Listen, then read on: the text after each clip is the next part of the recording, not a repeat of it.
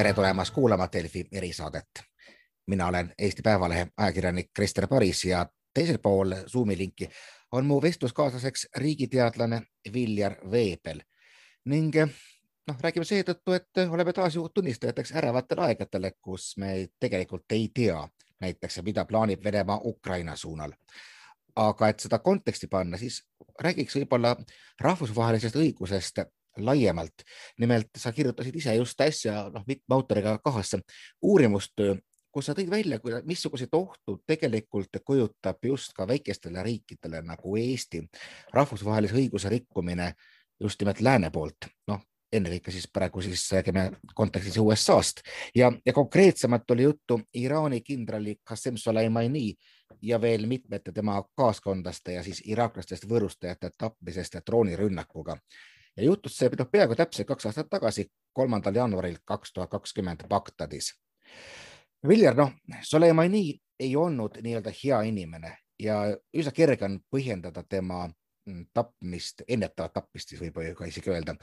enesekaitsega. Äh, kuidas aga vaatab sellele rahvusvaheline õigus, kas kellegi tapmine riigis, kellega sul parasjagu sõda pole ja sõda pole ka Iraaniga tegelikult, keda Soleimani esindas, on teatud tingimustel õigustatud? jah, seda ongi arutatud põhiliselt, et, et USA rõhus nii-öelda sellisele kõrgendatud ohule või, või nii-öelda tõestatud kõrgendatud ohule, mida nad siis siiski tõestada ei suutnud, ütleme nii. et nagu sa väljendasid, et, et Suleimani oli oma ebameeldivaid tegusid juba ära teinud, ei olnud teada, mis see, mis see kõrgendatud oht siis selles visiidi käigus oleks olnud ja, ja see on olnud siis nii-öelda viimane õlekõrs, mis, mis ameeriklastel on olnud, et, et ka ÜRO harta lubab isegi ennetavat enesekaitset, kui on siis kõigile arusaadav kõrgendatud oht. et milles oli probleem, oli siis see, et, et keegi peale ameeriklaste ei saanud sellest aru. et, et Pompeo ise sai aru ja, ja Trump tõenäoliselt ka, aga, aga noh, ütleme, et tegelikult kõik rahulikult veeretasid palli eesotsas Frau Merkeliga ameeriklaste poolele palusid siis selgitada, milles see kõrgendatud oht oli, mida siis noh, seal on see, et see tegu ise peab ära hoidma midagi palju hullemat. et, et see, et keegi on halvas nimekirjas, noh, ma, ma tooksin sulle võrdleva näite, rutates veidi mõttega ette, ette sellest, mis meid võiks ähvardada. et kui me võtame Kaitseliidu Eestis, siis tõenäoliselt Kaitseliit on ka Venemaa jaoks näiteks halvas nimekirjas ja eriti Kaitseliidu juht kindral Ühtegi, kes on lubanud äh, kõik venelased, kes Tallinnasse tuleb, ära tappa et ja kui nüüd ühtegi peaks minema kohtuma oma Läti kolleegiga Riias, siis, siis Venemaale võiks see olukord tunduda üsna sarnane sellega seoses, mida, mida ameeriklased tegid Iraanis, et, et nii-öelda kolmanda riigi territooriumil eh, kellegi arvates ebameeldiv, noh, võib ka teda nimetada terroristiks, et, et ega Sulemani oma ametilt ei olnud väga erinev, ütleme nii-öelda Kaitseliidu juhist. et, et lihtsalt tema ideoloogilised vaated olid täiesti teised, ütleme nii ja, ja võib-olla, võib-olla ka see, et tema ta tegutses noh, ka, ka päriselt ka teiste riikide territooriumil, näiteks noh, Iraagi territooriumil. jah, seda küll, aga, aga noh, sellise loogika järgi noh, ka Iisrael ja Türgi tegutsevad pidevalt teiste riikide territooriumil, et, et see nüüd see nagu teine küsimus, et kas see teiste riikide territooriumil tegutsemine on üldse mingi argument, et noh, kõige rohkem muidugi tegutsevad teiste riikide territooriumil USA ja Venemaa just selles järjekorras. Et, et, et kui see nüüd oleks argument, siis, siis saaks see nimekiri väga pikk. Aga mille poolest selline tapmine nagu mm, õiguse mõttes või, või üldse ka pretsedentide mõttes erines, noh, nagu ka sellesamast mm, uurimustöös oli välja toodud no, muuhulgas ka siis ju Osama bin Ladeni tapmine, mis ta pandi toime Pakistanis Ameerika eriüksuste poolt, aga ütleme lihtsalt selliseid salamõrvu on ikka läbi viidud, küll Iisraeli poolt, venelased on läbi viinud, võtame kasvõi Litvinenko ja, ja küllap ka ameeriklased, et, et mis tegi selle eriliseks? No vast äh, kaks, kaks olulist aspekti oli siin, et äh, ühelt poolt oli tegemist äh, ametiisikuga ja ametliku visiidiga. Ja, ja nagu sa alguses mainisid, et, et hukka ei saanud mitte ainult, ainult kindral ise, vaid tegelikult terve hulk teisi ametiisikuid mõlemast riigist. ehk siis maha löödi kõik, tsiteerides vanu klassikuid, et, et küll jumal taevas need ära tunneb. et, et see oli nagu üks pool, kus siis kus siis sellest, et keegi on ametiisik ametlikul visiidil, ei, ei nähtud mingit probleemi, nüüd on küsimus, kas tulevikus teised riigid võiksid samamoodi teha. ja, ja teine pool oli siis droonide kasutamine ehk siis äh, need droonid lendasid siis Saksamaalt. ja, ja noh, mis tekitas nagu terve hulga küsimusi, et nende et nende droonide kõigepealt opereerimine, et kas, kas keegi, kes neid opereeris, vastutab, kas keegi, kes siis neid võõrustas, vastutab. Saksamaa riigijuhtidel oli palju küsimusi, mis jällegi jäid ka kõik vastuseta just selles samas kontekstis, et, et asi olevat juba ära juhtunud, et ei olegi väga palju enam seletada. Aga no ütleme, see õiguse poole pealt ongi just see huvitav, et, et kui sa masina abil tapad kolmanda riigi territooriumil, kas siis see olemasolev rahvusvaheline õigus äh, kohandub meile harjumuspärasel moel nii-öelda, et on teada, et keegi on süüdlane ja, ja on teada, kes võttis vastutuse selle eest ja, ja nii-öelda, et on ka küsimus, kas, kas selle isiku vastu saab kohtusse minna näiteks ja, ja muud sellised, et et need, need aspektid, äh, kaks kõige peamist, et, äh, et siis ametiisik kolmanda riigi territooriumil, et noh, ütleme niimoodi, et ametiisik oma, omaenda territooriumil, see on palju levinum, aga, aga noh, üldiselt on peetud riikide vahel äh, diplomaatilisest puutumatusest nagu heast toonist ikkagi kinni, et, et keegi ei taha alustada seda, et, et keegi enam reisida ei tahaks. Saksamaa kaasus on muidugi päris huvitav, et see noh, natuke toob mulle meelde või mõttes sellise, sellise võrdluse, et kui näiteks mõnest NATO baasist lendab juhtumisi Venemaale rakett, siis Venemaa ei ütle, et oo, see oli mingi NATO või NATO rakett, ta ütleb, et see oli Eesti, kes laskis. selle üle me muidugi saame ka aru, see viib meid tegelikult sellesse järgmisse kohta, kus on arutatud, kas, kas Balti riigid ja ka Eesti võiksid äh, majutada USA lühimaa tuumarakette näiteks et, et kas noh, kellegi teise lühimaa tuumarakett ei ole mõeldud, et kui räägitakse sellest, et NATO lühimaa tuumaraketid, siis, siis inglastel ja prantslastel ei ole selliseid rakette, mida siia saaks tuua, isegi kui nad tahaksid. ja, ja nüüd on siis küsimus jällegi selles, et, et tõepoolest nüüd mitte ainult need lühimaa raketid, aga näiteks ka needsamad droonid, mis, mis leidsid endale kodu lõpuks Ämaris, needsamad tappedroonid, Reaperid. Teie portaal tegi sellest ka pika uudise koos fotodega. et siis nüüd on jälle küsimus, et kas majutaja vastutab millegi eest ja nagu sina tõid välja, et, et justkui saab öelda, et majutaja ju tegi võimalikuks selle rünnaku, sest ilma majutuseta see rünnak poleks olnud võimalik. Äh, samal ajal, mis, mis on ka nii Saksa näitel kui ma kahtlustan, et ka Ämari näitel, et, et ega meie väga ei mõjuta, kuidas need droonid lendavad ja mida nad teevad, et ja, ja meile ka väga võib-olla ei pruugita briifida, mis nende igapäevane sisu on, et, et see on üle meie peade ja, ja võib-olla kui me muutume liiga küsivaks, siis, siis meile öeldakse, et koos droonidega viiakse välja veel midagi muud, mida me, mida me väga vajame. et, et Venemaa on siis proovinud seda mängu mängida sedapidi, et kuivõrd USA vastu hammas ei hakka selles küsimuses, siis noh, siis tulebki minna nende vastu, kelle territooriumil see on, on see siis Rumeenia või Poola, mis iganes need installatsioonid on. ähvardada kannatab ikka seda, kellest jõud üle käib milliseid õppetunde nüüd sellest samast Soleimani tapmisest saab Venemaa võtta, noh, pretsedent on tõsine asi, no sa tõid näitena küll ühtegi, aga noh, ma võib-olla isegi laiendaksin, et noh, Venemaa on ju kasutanud eh, näiteks Gruusias ja Ida-Ukrainas sekkumiseks just eh, nii mõnigi kord ikkagi Kosovo pretsedenti, kus mindi ÜRO-st mööda ja, ja rünnati ühte, ühte riiki, et noh, kas, kas siit võib ka tulla mingisuguseid äh, arenguid, kus öeldakse, et noh, teie tapsite, tapame meie ka. Äh, jah, no kõigepealt on, on Venemaal veel Wagneri teemal mõtted käimas, et, et kuidas ameeriklastele teha avalikult tagasi ja, ja siiamaani pole see õnnestunud ja et see on see teine aspekt, mis paneb selle, selle meie jaoks halba valgusesse, et, et ilmselgelt Venemaa otsib äh, kolmanda riigi territooriumit, kus ameeriklastele koht kätte näidata, ütleme nii. ja, ja nüüd on seesama küsimus, et, et selline kolmanda riigi territoorium eeldab, et seal on piisavalt palju Ameerika vägesid ja, ja vahendeid. siin jällegi meie ka kvalifitseerume, kui me võtame, võtame noh, nii inglaste kõrval on ameeriklased kõige suuremad panustajad meie, meie kaitsesse, et, siin tegelikult on piisavat äh, kvantiteeti ja kvaliteeti, et siia mingi löök sihtida ja noh, kolmas pool on see, et me oleme piisavalt lähedal. et, et Venemaal äh, nii-öelda, kui on tahtmine, siis, siis teostusega tõenäoliselt saadakse hakkama ja, ja nüüd on siis küsimus, et kas see tahtmine on Äh, kas see asi võeti Moskvas teadmiseks, äh, kas seda kasutatakse siis, kui seda mingil hetkel vaja läheb või siis üritatakse selle abil midagi ette ära teha. et noh, positiivse poole pealt äh, rutates nii-öelda uudisteplokist ette, et, et õnneks või kahjuks on, on ka saatkonnal ainult kaks kätt ja kümme sõrme ja, ja Venemaa on praegu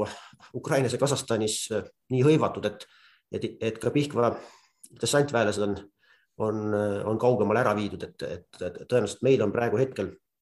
hetkel natuke aega mõtiskleda. aga mis on meie häda sellisel puhul, et kui selline ähvardus tuleb, siis meie ei saa pugeda rahvusvahelise õiguse taha ega, ega rahvusvahelise institutsionalismi taha, sest meie ise olime ÜRO Julgeolekunõukogu liige sellel ajal ja, ja me ei teinud mitte midagi. et, et noh, siis võib ka Venemaa öelda, et kui te arvate, et see peaks olema sedapidi, et see on halb tegu, siis, siis kus te olite aastal kaks tuhat kakskümmend? et ainuke, mille me tahame, saame pugeda, on ikkagi meie sama NATO lepingu alu, alusartikkel viis ma isegi arvan, et mitte seda. Äh, viimased ajad näitavad, et see NATO alusleping võimaldab veidike viisakamalt öelda seda, et me saame põhiliselt pugeda USA selja taha ja, ja USA ja, ja Ühendkuningriigi selja taha, et kui me jällegi vaatame, et kes on siia panustanud millegagi, millel on mingi ähvardusväärtus või, või vastupanuväärtus, siis noh, kasvõi arutades sedasama Euroopa strateegilise autonoomia üle, siis see on ikkagi üks, üks autonoomia impotentsus, eks et, et nii-öelda õigus, õigus mitte midagi teha. Et, et me räägime ikkagi tegelikult kahest riigist, kes aktiivselt soovivad Eesti kaudu mingit oma asja ajada, ajades selle käigus ka meie asja. Noh, su, su, su endagi jutust tuleb tihti ikkagi välja mitmes kohas see, et noh, see rahvusvaheline õigus, mis on kuskil paberites, on ju noh, veidike abstraktne ja sõltub eh, nende osalejate soovist seda järgida, mis on täiesti samas loomulik. noh, jällegi Venemaa armastab eh, igal pool rõhutada, et nemad on just need, kes toetavad sellist rahvusvahelisele õigusele tuginevat korda. arusaadav ka, nad on praegu, ei ole kõige tugevam riik maailmas ja et just USA on see, kes revib katki kõik, mis talle ei meeldi no,, alates eh, avatud, avatud taevalepingust ja siis raketitõrjelepingutest ja puha, et kuivõrd sa noh, näed, et ikkagi ka meie julgeoleku seisukohast on oluline, et mis on kuskil kirjutatud ja mida järgitakse ja mida ütlevad ka nii-öelda kirjutamata reeglid?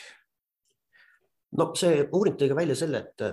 et meil on selline nii-öelda strateegiline dilemma ja, mis see tähendab inimkeeles? see tähendab seda, et saab minna ühte või teise suunda. strateegia üks põhiolemuslik komponent on see, et ta välistab teised strateegiat, et sa ei saa korraga joosta kahes suunas, et siis see pole enam strateegia. ja strateegiaks saab olla see, et me loodame ÜRO ja rahvusvahelise õiguse peale, me loodame selle peale, et lepingutest peetakse kinni ja me loodame, et rahvusvaheline kogukond on see, kes paneb siis Äh, paika, mida võib ja mida ei või. teine strateegia on see, et äh, me oleme puhtalt USA-ga ja me ütleme, et me põhimõtteliselt ei usu, et keegi teine niikuinii appi tuleb. ja, ja selle tõttu me oleme nõus tegema ükskõik, mida USA meilt soovib, sellepärast et me usume, et äh, noh, nemad on need, kes meid päriselt aitavad. Ja selle nimel me oleme siis nõus kõigist sellest ülejäänust vajadusel loobuma, et noh, ütleme, et me võime sellist strateegilist udu ajada. Kristi Raik kunagi kirjutas selle kohta kenasti, et äh, ka seesama Euroopa strateegiline autonoomia olevat üks suur udu, äh, millega, millega võib osaliselt nõustuda, et me ajamegi udu, et meid tegelikult huvitab, mida prantslased mõtlevad ja meid huvitab rahvusvaheline õigus ja, äh, ja meid huvitab pingelõdvendus, aga noh, praktikas me ikkagi oleme selle suunas, et me teeme, mida USA peab vajalikuks regioonis, sõltumata sellest, mida rahvusvaheline õigus ütleb. see on umbes nagu, nagu oli see coalition of the willing Iraaki minekul no näiteks jah, et noh, siin sa korra mainisid ka seda õigusasja, et, et mis on noh, mida ka Pompeo peale seda rünnakut toona tõi välja, et, et suurem osa sellest paberist, mida ta ette luges, et, et rahvusvaheline õigus justkui lubab sellist asja teha. et, et täitmata jäi ju ainult üks, üks sõna, ütleme nii, tõestatud oht. et, et nüüd on see küsimus, et, et kelle arvates tõestatud, et nagu sa ütlesid, et noh, et igaüks ju teab, et tegemist on paha inimesega ja eelmised kõik olid ka pahad, et et kas siis, kas siis, kas see on tõestatud oht ja mida peab siis tõestama ja kas üldse ongi võimalik tõestada. et meil on eelkõige nüüd see küsimus, et kui Venemaa tahab võtta vastu enda arvates õiguspäraselt mingeid tegevusi, siis milline peaks see tõestus olema, et see tegevus on õigustatud ja kes peaks selle tõestuse siis heaks kiitma? et kas selle tõestuse peaks heaks kiitma USA, Brüssel või ÜRO, ütleme nii, et me, me peaksime siiski noh või noh, ideaalis kõik, kõik korraga, eks ju, aga, aga nagu Sulemani juhtumist näha, siis, siis äh, arvamusi oli sama palju kui vastujaid. No ma kardan jah, et sellised igasugused heakskiidud, kui, kui tulevad, tulevad äh, post factum ehk siis äh, kui lepitakse pärast kokku, no ma ei tea, ka täpselt stiilis, kus Kosovost on lõpuks ikkagi Venemaa andis ÜRO Julgeolekunõukogusse lahendusele heakskiidu, kui enam, enam midagi muud väga teha ei olnud. aga mis sa arvad, et mis peaks siis olema Eesti positsioon, et noh, täpselt kui vaatame ka sellelesamale Soleimani juhtumile, siis lääneriikide vastused olid ju noh, nii ja naa, et Eesti on väike riik ja sa täpselt tõid selle dilemma välja, et ma ei tea, kui ma oleks sina, sina, sina poliitika, ma viskaksin sulle äh, sellise kulja kirjaga mündi, et mis sa tahaksid, et see münt näitaks? no ütleme nii, et täpselt sellel aastal kaks tuhat kakskümmend oli see valik meil olemas, noh ajalugu andis selle mündi, ütleme nii. ja, ja meie isegi siis keerasime selle mündi peal ikkagi selle Ameerika vapiga poole ülespoole. noh, tingitud ka teatud ministrite või, või tipp-poliitikute ja ka sõjaväejuhtide kindlast veendumusest, et, et parem üks kindel sõber kui terve hulk roosat udu kuskil kaugel, mille peal ei, mille suhtes ei saa kindel olla, kas sealt midagi tuleb. ja, ja noh, me oleme valiku teinud selles mõttes, et mis on täna see probleem, on see, et me oleme täitnud regionaalse julgeoleku USA ja Inglise ambitsioonidega. Ja noh, mitte, mitte ainult meid kaitsta, ega nad siin ainult meie pärast pole ja põhiprobleemid algavad siis, kui Venemaa näeb selles kas liiga suurt ohtu või siis need riigid otsustavad Äh, oma strateegiat muuta ja näiteks äh, välja tõmbuda. siis tekib automaatselt vaakum, ehk siis Eesti on ennast pannud sellisesse olukorda, kus tema jaoks see julgeolekusurve ja abi peavad kogu aeg olema väga täpselt balansseeritud, et mitte motiveerida Venemaad. et seesama alaline küsimus, et kas Venemaad motiveerib tugevus või nõrkus, tegelikult motiveerivad mõlemad. Äh, kui, kui siin on vaakum, siis Venemaa on valmis seda täitma nagu Kasahstanis. aga kui siin on ka liiga palju NATO vägesid nende arvates, siis eks see motiveerib neid ka midagi tegema. ja meie ise nüüd oleme noh, ennast lukustanud sellesse üsna spetsiifilisse julgeolekukoridori, kus iga viga tähendab seda, et me kaotame oma sõltumatuse. ehk siis praegusel hetkel on vaata, et nii-öelda maksimaalselt hea julgeolek, aga ma mõtlen, et noh, tegelikult ju kogu seesama küsimuse püstitus on aktuaalne praeguses siis kuumimas tulipunktis ehk pingetes Ukraina ümber, noh tegelikult täpselt samad asjad, kus, kus kui noh, Venemaa ütleb, et tuleb liiga palju Ameerika kohalolekut, piltlikult Ameerika lääne, ütleme lääne kohalolekut, siis see on nagu just nagu talle julgeolekuoht. noh, ilmselgelt kohaloleku vähendamine ahvatleks täpselt sama palju, aga räägiks ka võib-olla sellest noh, Venemaa nüüd mina, mina ikkagi nimetan ultimaatumiks tema, tema ettepanekuid julgeoleku garantiide osas. noh, mõned nendest on ultimatiivsed, tõesti kõik see, mis puudutab siin Balti riike äh,. aga teisest küljest noh, nagu ma ka tõin välja, et, et noh, ameeriklased on astunud välja mitmetest külma sõjaaegsetest lepingutest, mis tagasid sellist mingil määral ikkagi läbipaistvust ja tänu sellele ka, ka rahu Euroopas. et kui me mõtleme, et osapooled on ratsionaalsed, et Putinil ei ole sellist mingisugust täiesti ebaratsionaalset huvi ja ta tahakski endale julgeolekugarantiisid, kas siis noh, mis oleks kõige mõistlikumad sammud, kuidas nüüd pingete leevendamiseks edasi minna? jah, see on umbes selline küsimus, et milline enesekaitsevõte aitab siis, kui sul on nuga kõri peal, et siis, siis on tihtilugu juba väga keerukas ühte head toimivat enesekaitset leida. et noh, alustades nii-öelda kaugemalt, et kõigepealt me peaksime küsima, kas me usume, et Putin ja venelased on ära teeninud ka julgeolekutunde või me arvame, et nad on läbini pahad, agressiivsed ja, ja saatana käsilased ja, ja me võime teha kõike, mida me tahame, et noh, tsiteerides mõnda Eesti poliitikut, et Moskva tuleb hävitada. et üks, ükskõik mis, mis hinnaga tuleb alati teha Venemaale nii palju viga kui võimalik. no ma tooks, ma tooksin kohe-kohe siia võrd, võrdluse nurka aetud rotiga, see, see ei ole hea. no võib-olla see on isegi natuke suurem kui rott, et võib-olla nurka aetud näljase karuga et, et see, see küsimus ongi nüüd see, et, et põhimõtteliselt see stardikoht panebki paika selle, mis on mõistlik käitumine. meil on terve hulk poliitikuid, nagu ma ütlesin, kes on täiesti kindlad, et kui on võimalik, siis tuleb Moskvas mäss korraldada. noh, ühesõnaga tuleb teha nii nagu Rumeenias Ceausescuga tehti ja, ja pärast jätta see kõik sinna paika et, et kui see, kui see nägemus on selline, siis, siis loomulikult peab lääs eskaleerima võimalikult mitmes kohas korraga, jättes tavaliselt selle tohuvapohu pärast äh, kohalikele ühiskondadele. et äh, noh, ütleme nii, et ega selles mõttes on, on õigus nii venemeelsetel kui läänemeelsetel, kes ütlevad, et, lõpuks selle negatiivse võttis Ukraina nii-öelda selle äh, seitse aastat kaotatud, kaotatud riiklust mingis mõttes, kus või noh, kaotatud arengut, ütleme nii. et, et kas me jah, kas me ise oleme ka valmis see koht olema, ütleme nii, kas me oleme kas, kasvõi ennast valmis ohverdama konflikti kohana, et Venemaa ikka saaks hävitatud et noh, kui sa aru saad, see on, see on veidi skisofreeniline mõtlemine, et, et kui palju te seda piiri siis sinnapoole tahate või kas üldse on mingit piiri, kui me tegelikult avalikult promome ideed, et äh, kogu Kremli administratsioon tuleks mitte ainult äh, lahti lasta, vaid kinni panna või midagi muud teha nendega. ehk see on see koht, mis siis Putinile muret teeb, et läänel ei ole mitte mingeid piire selles, äh, noh, kui palju ta tahab ohustada tänast Venemaa poliitilist juhtkonda või ühiskonda. Ja, ja nüüd on küsimus, et kui me siiski leiame, et, et mitte niivõrd Putinil, aga keskmisel venelasel on õigus sellele äh, julgeolekule, no siis me peaksime ikkagi defineerima, äh, millistest printsiipidest me peame kinni. noh, sama siseasjadesse mittesekkumine või muud, muud küsimused, et ja, ja millistest varasematest kokkulepetest, mis nagu ka Budapesti memorandum on sõlmitud, eks teatud segastel aegadel või Minski lepped et millistest kokkulepetest me usume, et me peame kinni ja, ja kuni sinnamaani, et millistest kokkulepetest toonases sõnastuses üldse on võimalik kinni pidada. et eriti Minski lepingute, Minski protokollide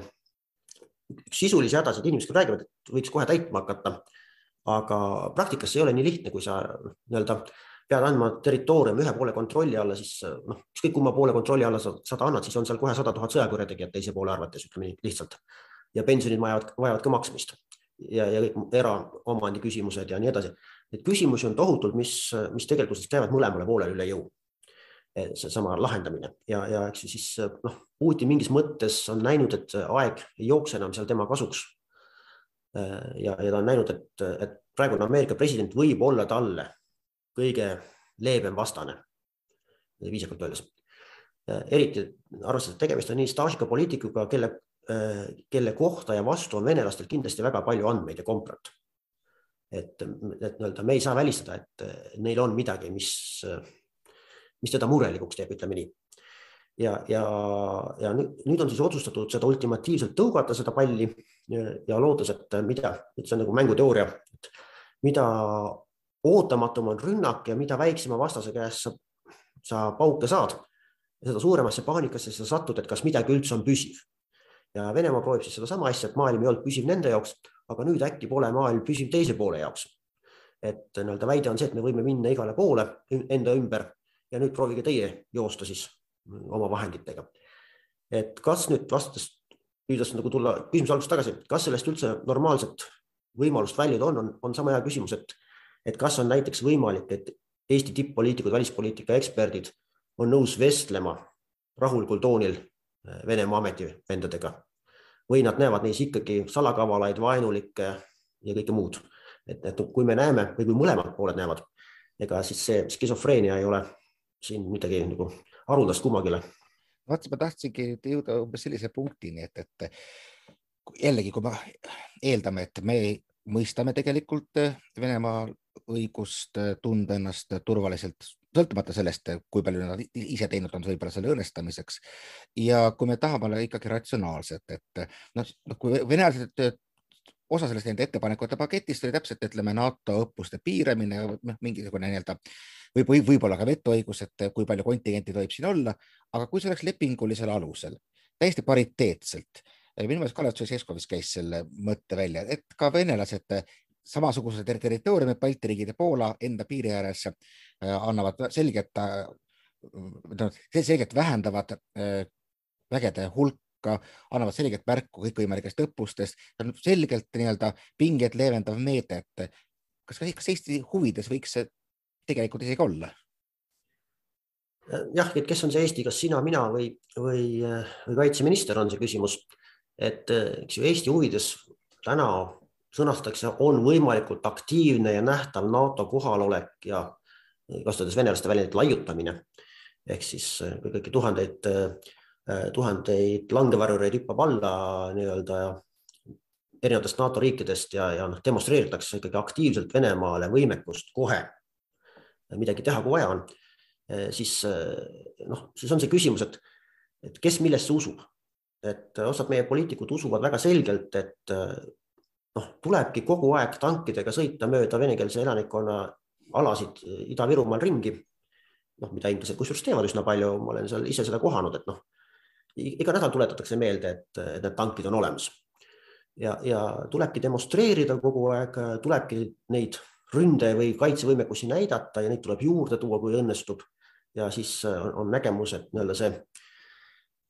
äh, muskli imetlemine on see, mis toob lahenduse, et noh, teine pool on siis, et, see, mis võiks olla, olla pingete lõdvestamiseks, nüüd on see, see ei käi päris sedasi nagu, nagu Stoicescu või, või sina ette kujutad, et, et meie oleme mingisugune osapool, kes siis räägib läbi, et nii palju meil ja nii palju Venemaal. Venemaa arvates meil pole midagi. peale kahe brigaadi jalgratturid, nagu nende koomikud aeg-ajalt ütlevad, et, et nemad tahaksid rääkida läbi USA-ga viisil, et tegelikult Eestisse ei paigutatagi midagi. et, et nii-öelda noh, ma arvan, et nende nägemus on see, et kuskilt Kesk-Poolast võiks hakata mingi arvestatav kapatsiteet ja, ja Balti riigid pluss siis Ida-Poola jääksid selliseks vahetsooniks, kus, kus ei hoita midagi ja, ja võib, võib-olla siis venelased on selle nimel nõus natuke tagasi tõmbama ka oma vägesid, aga häda on selles, et neil on regioonis kaheksa korda rohkem vägesid. Ja, ja nüüd on küsimus, et mille alusel me siis läbi räägime, kas siis, kas me vähendame proportsioonis, noh, mis on ikkagi mõttetu, sellepärast et kui nemad vähendavad ühe kaheksandiku ja meie vähendame kõik, siis ei ole sellel mingit pointi. ja, ja ütleme, kui me tahaksime, et nad jätaksid sama vähe kui meie, siis nende täitsa asjakohane küsimus on, et aga kuhu nad need väed viivad. kuskile koroonisi taha no ma toon siit paralleelse näite, et on räägitud, et, et Krimm tuleks, noh, tuleme tagasi Minski juures, et Krimm äh, koos äh, kõigega tuleks tagastada Ukrainale ja venelased tuleks sealt ära ajada. aga kuhu see Musta mere laevastik siis läheb? kuhu kogu see infrastruktuur siis läheb, mis on disainitud ainult regionaalsena, millel ei ole ei, ei kasutust, noh, laevad on ju ehitatud Musta mere jaoks. et, et noh, kerge on öelda, et mingu kuhu tahavad aga neil ei ole kuskile eriti minna ja sellepärast nad ajavadki kõvasti vastu. Et, et jällegi, kui me räägime, et Ukraina territoriaalne terviklikkus tuleks taastada, siis, siis noh, siin seesama näide küsimus, et kas taastada nii, nagu see oli enne ehk nii, et Venemaal olid sõjaväebaasid. ja, ja nüüd, nüüd sa näedki, et need, keerukam on asju kokku leppida kohe, kui sa küsid, et aga kuhu me seda kella tagasi keerame ja, ja mida me siis nõuame. et, et ilmselgelt ma arvan, et sellist kokkulepet millega me mõlemad pooled rahul oleme, ei ole üldse võimalik äh, kvantitatiivselt teha, sellepärast et see kvantiteet ja kvaliteet on nii erinevad, et ameeriklaste täppislöögi võimekus kaugelt on nii palju suurem, et Venemaal ei jäägi muud üle, kui hoida suuremat kvantiteeti lähemal. Ja, ja noh, see on see paraku nende kalkulatsioon. no vaatame siis veel lõpetuseks kahte viimase aja tulipunkti lähemalt, et noh, kui sa ütled jah, et ameeriklaste täppislöögivõimekus on suurem, see kahtlemata nii on, teine, mida muidugi Venemaa on ju demonstreerinud, on oma vägede väga kaugete maade taha kiire liigutamise oskus. no näiteks, kui nüüd saadeti täpselt sama Pihkva dessantväelased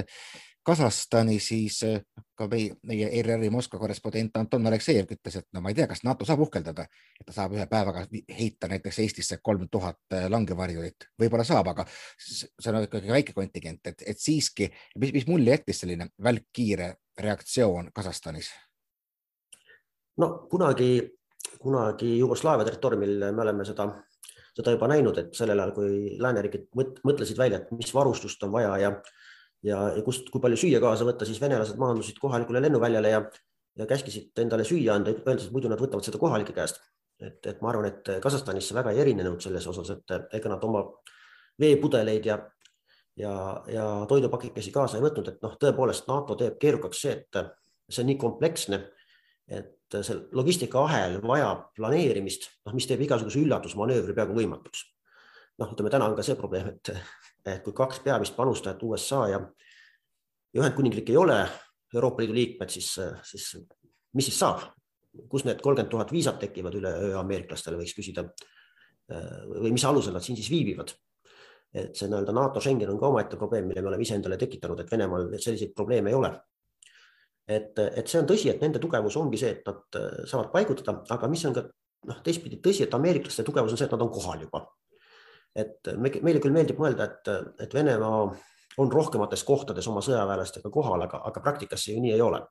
et ameeriklastel tihtilugu on vaja juurde tuua, nii nagu ka on ju noh, kui oled lugenud neid vestlusi Briti ja USA kontingendi esindajatega Eestis, et et see kontingent on ju siin selleks, et, et see ülejäänud saaksid kohe juurde tulla, kui on vaja, et teatakse olusid, teatakse vajadusi ja kõike muud. Et Venemaa on samas väga võimekas siirdama ilma kohapealse kontingendita, ehk siis, et nad lähevad kohale, see ongi nende teistmoodi võimekus. aga ma seda paari-kolme tuhandet meest väga üle ei hindaks. ma arvan, et me võiksime neid nimetada noh, peaaegu nagu Sofi üksuseks, eks, et noh, niisugune äh, eriüksus, mis, mis ongi nähtavasti läbinud õppust just sellisteks stsenaariumiteks aga, aga kolm tuhat võitlejat ei ole siiski midagi sellist, millega NATO ka siin kohapeal olemasolevate võimekustega hakkama ei saaks. Nii ja võtame siis lõpetuseks äh, Ukraina, noh jätame kõrvale poliitilised arvestused praegu, kas Putin annab käsu rünnata, ei anna käsku rünnata, aga puhtalt sõjaliselt ma lugesin New York Timesis oli väga huvitav ülevaade, mis tugines USA luureametnikele, kes ütlesid, et, et nad, nad on nagu hämmingus, et ei ole toodud sinna juurde sellele sajale tuhandele, no seda ütleme seitsekümmend tuhandet, mida nad ennustasid, et võidakse tuua jaanuariks, ennustasid kuu aega tagasi. Ja siis nad tõid veel välja mitmesuguseid nüansse, et öeldakse, et no vot, tankid saavad tegutseda siis, kui maa on külmunud aga praegu on nagu olnud ebatavaliselt soe Ukrainas ja võib-olla sellepärast on edasi lükatud. no aga et igal juhul saab ajaken otsa kuskil märtsis, kui maa üles sulab, et kuivõrd no, sa hindaksid, et kõik need asjad pädevad ja, ja see, äh, et, et me, me, me ikkagi, ikkagi ei näe praegu mm, teadlikku ettevalmistust sissetungiks, aga et kui see peaks tulema, siis see ajaaken on ju tõesti väga kitsukene, kui me saame näha, kas siis äh, sissetungi või siis vägede äraviimist? no ma ikkagi pakuks, et Venemaa üldse ei tungi kuhugi sisse praegu, sellepärast et nii suure signaliseerimisega ei ole mõtet sõda alustada, et üldiselt Venemaa on ju teinud oma, oma sissetungi alati, nii et need ikkagi on olnud üllatuslikud. Et, et on, mis on, aga, aga nad on suutnud ka julgeolekuanalüütikuid läänes üllatada et kogu see mõte on ikkagi ju selles, et sa ei vii midagi ette kohale, vaid, vaid sa kasutad sedasama tohutut transpordivõimekust, kus sa tood need üksused kahekümne nelja tunni jooksul peaaegu ütleme kohale, mida lääs ei saa, eks ju, teha, sest pole ka selliseid transpordilennukeid käepärast. et, et mina ise pakun, et see kõik oli üks tähelepanu kõrvalejuhtimine või siis nende samade läbirääkimiste ettevalmistamine USA-ga, näitamaks, et äh, Venemaa on valmis musklit näitama ja, ja noh, mis on veel kolmas küsimus, et äh, mida see kõik, mida, mida see sõda Ukrainas peaks lahendama. et Venemaa on saanud viimastel aegadel kaks väga selget kogemust Gruusias ja, ja Valgevenes, et kohalikud keeravad ise nende poole tagasi, kui sa ei lähe sõjaliselt pressima. ja, ja, ja kohe, kui sa sõjaliselt pressid, eks siis mobiliseerub kogu ühiskond sinu vastu. Ja ma arvan ikkagi, et, et Kremlis on sellest aru saadud, et, et ka Kiievi vallutamine ei ole mitte midagi sellist, millega on midagi peale hakata, sellepärast et siis sa oled kõigi kohalikega tülis, vähemalt pooltega ja, ja sa tegelikult ei saa seda efekti, mida sa tahtsid, ehk siis seda impeeriumi taastamist. et, et mina ise pakun, et nad nad praegu panevad pressi peale Ukrainale, aga nad ootavad samasugust momenti nagu Kasahstanis äh, või Minskis, mis kahjuks varem või hiljem tuleb Kiievis kas energiahindade või mõne muu korruptsiooni asja pärast, selge on see, et iga viie aasta kohta juhtub Ukrainas mingisugune suur halb asi, kahjuks me, elu on näidanud seda, kus siis, mis siis viib nad jällegi, vähemalt osad neist Vene pooldajateks tagasi. ja ma ise pakun, et nad praegusel tekitavad survet ja ootavad seda momenti, kus näiteks ukrainlased hakkavad energiahindade pärast laamendama ja, ja proovivad seda, seda ise välja kutsuda no. sellise, jah jah, siis on nagu Minski puhul, et äh, kui, kui kohalikud äh, ise on ennast juba nurka värvinud, siis, siis ei olegi palju vaja. no see on väga meeliülendav mm, tõdemus, millega ka tänane jutuajamine siis kokku tõmmata. aitäh riigiteadlasele Viljar Veebelile, mina olen Eesti Päevalehe ajakirjanik Krister Paris ja jälle kuulmiseni uutes erisaadetes.